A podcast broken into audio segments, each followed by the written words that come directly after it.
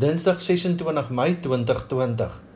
Die afgelope tyd gesels ons oor geloof en verlossing, soos wat Paulus dit vir ons beskryf in Romeine. Kom ek som dit net weer vinnig op. In Romeine 1 tot 11 is Paulus besig om 'n paar dinge teenoor mekaar te stel. Genade teenoor verdienste, geloof teenoor werke, Jesus se werk teenoor jou eie werk en so meer. Paulus stel dit in Romeine 1 tot 11 baie duidelik dat die mens nie deur sy eie verdienste gered kan word nie. Jy kan absoluut niks doen om gered te word nie. Daarom beklemtoon hy dat as jy self probeer, dan plaas jy jouself soos die Jode weer onder die wet en dan sal jy onder die wet geoordeel word. Dan moet jy elke wet stiptelik nakom en dan was dit nie nodig vir Jesus om aan die kruis te sterf nie. Romeine 3 vers 20 Daarom sal geen mens op grond van wetsonderhouding deur God vrygespreek word nie. Inteendeel, deur die wet leer 'n mens wat sonde is. Maar nou het die vryspraak deur God, waarvan die wet en die profete getuig in werking getree. Dis die vryspraak wat nie verkry word deur die wet te onderhou nie, maar deur in Jesus Christus te glo. God gee dit sonder onderskeid aan almal wat glo. Almal het gesondig en het nie deel aan die heerlikheid van God nie, maar hulle word sonder dat hulle dit verdien op grond van sy genade vrygespreek vanweë die verlossing deur Jesus Christus. Maar toe het 'n paar mense gesê, dan kan ons mos maar lewe soos wat ons wil.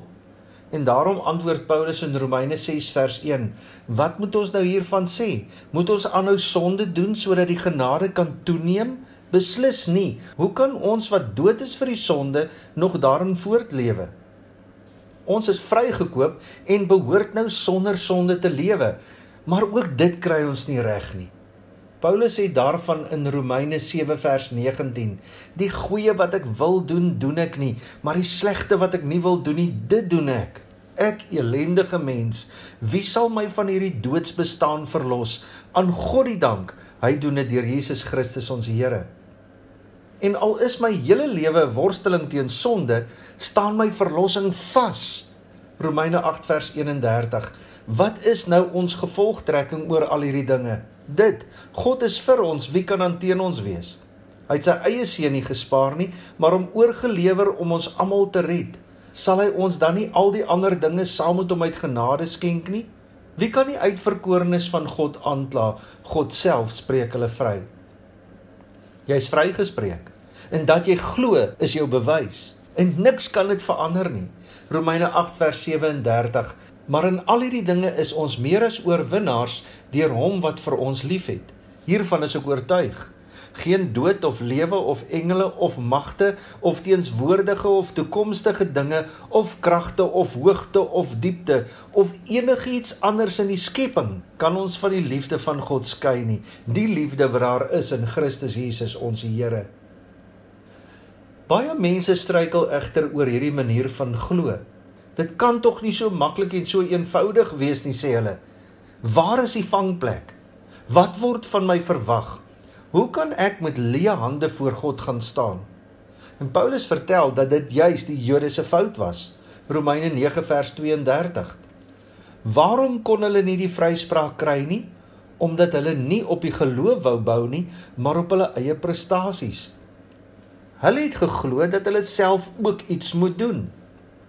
In Romeine 10 vers 3 sê: Hulle het hulle nie gesteer aan die manier waarop God mense vryspreek nie. Hulle wil niks van God se manier van vryspraak weet nie. Hulle probeer dit op hulle eie manier kry. Christus is tog die einde van die wet, sodat elkeen wat glo vrygespreek kan word. En nou die belangrikste gedeelte Romeine 10 vers 8. Naby jou is die woord in jou mond en in jou hart. En hierdie woord is die boodskap van die geloof en dit is wat ons verkondig. As jy met jou mond bely dat Jesus die Here is en met jou hart glo dat God hom uit die dood opgewek het, sal jy gered word. Met die hart glo ons en ons word vrygespreek en met die mond bely ons en ons word gered. Die skrif sê tog, niemand wat in hom glo sal teleurgestel word nie, niemand nie. Dit gaan nie oor wat jy doen nie, maar wel oor in wie jy glo. Dit gaan nie oor alles wat jy reg doen deur jou lewe nie.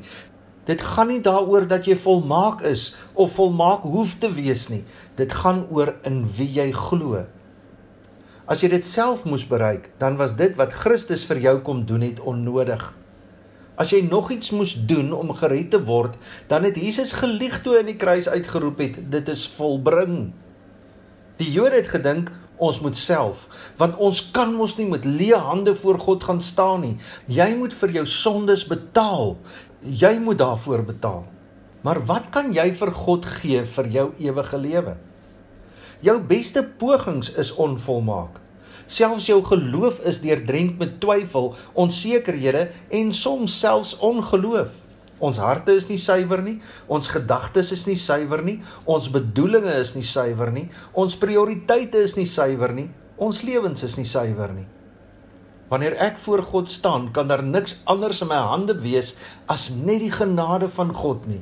Romeine 1 vers 17. In die evangelie kom juis tot openbaring dat God mense van hulle sonde vryspreek enkel en alleen omdat hulle glo. Dit is soos daar geskrywe staan: Elkeen wat deur God vrygespreek is omdat hy glo, sal lewe. Soos wat ek in die begin gesê het, Paulus stel dit in Romeine 1 tot 11 baie duidelik dat die mens nie deur sy eie verdienste gered kan word nie. Jy kan absoluut niks doen om gered te word nie.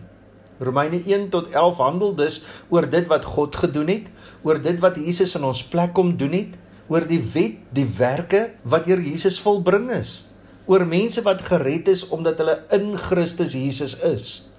Romeine 1 tot 11 gaan oor dit wat God kom doen het sodat ons gered kan word. Maar in Romeine 12 verander alles. Romeine 1 tot 11 is eintlik net 'n inleiding vir wat van Romeine 12 af gaan gebeur. Môre gesels ons daaroor. Ek hoop jy's nuuskierig. Moet nou nie gaan vooruit lees nie, wag vir môre.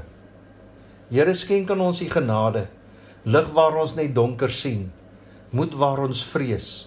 Hoop waar ons wanhoop, vrede waar ons gemoedere storm, vreugde waar ons hartseer is, krag waar ons swak is, wysheid waar ons verward is, sagtheid waar ons bitter is, liefde waar ons haat. Die Here sal julle seën en julle beskerm. Die Here sal tot julle redding verskyn en julle genadig wees. Die Here sal julle gebede verhoor en aan julle vrede gee. Genade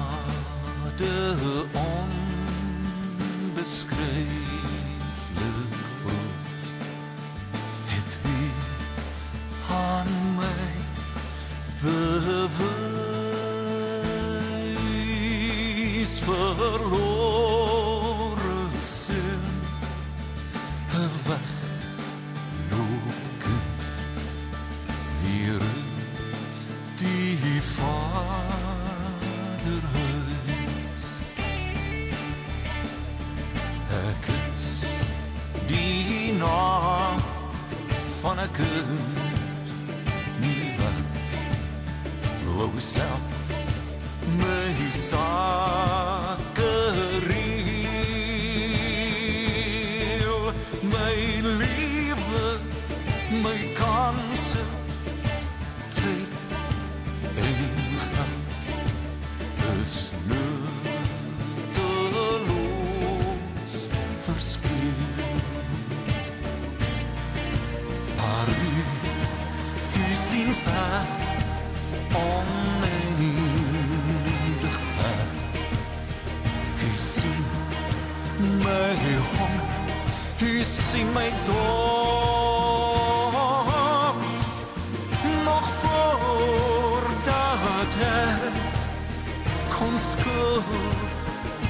mine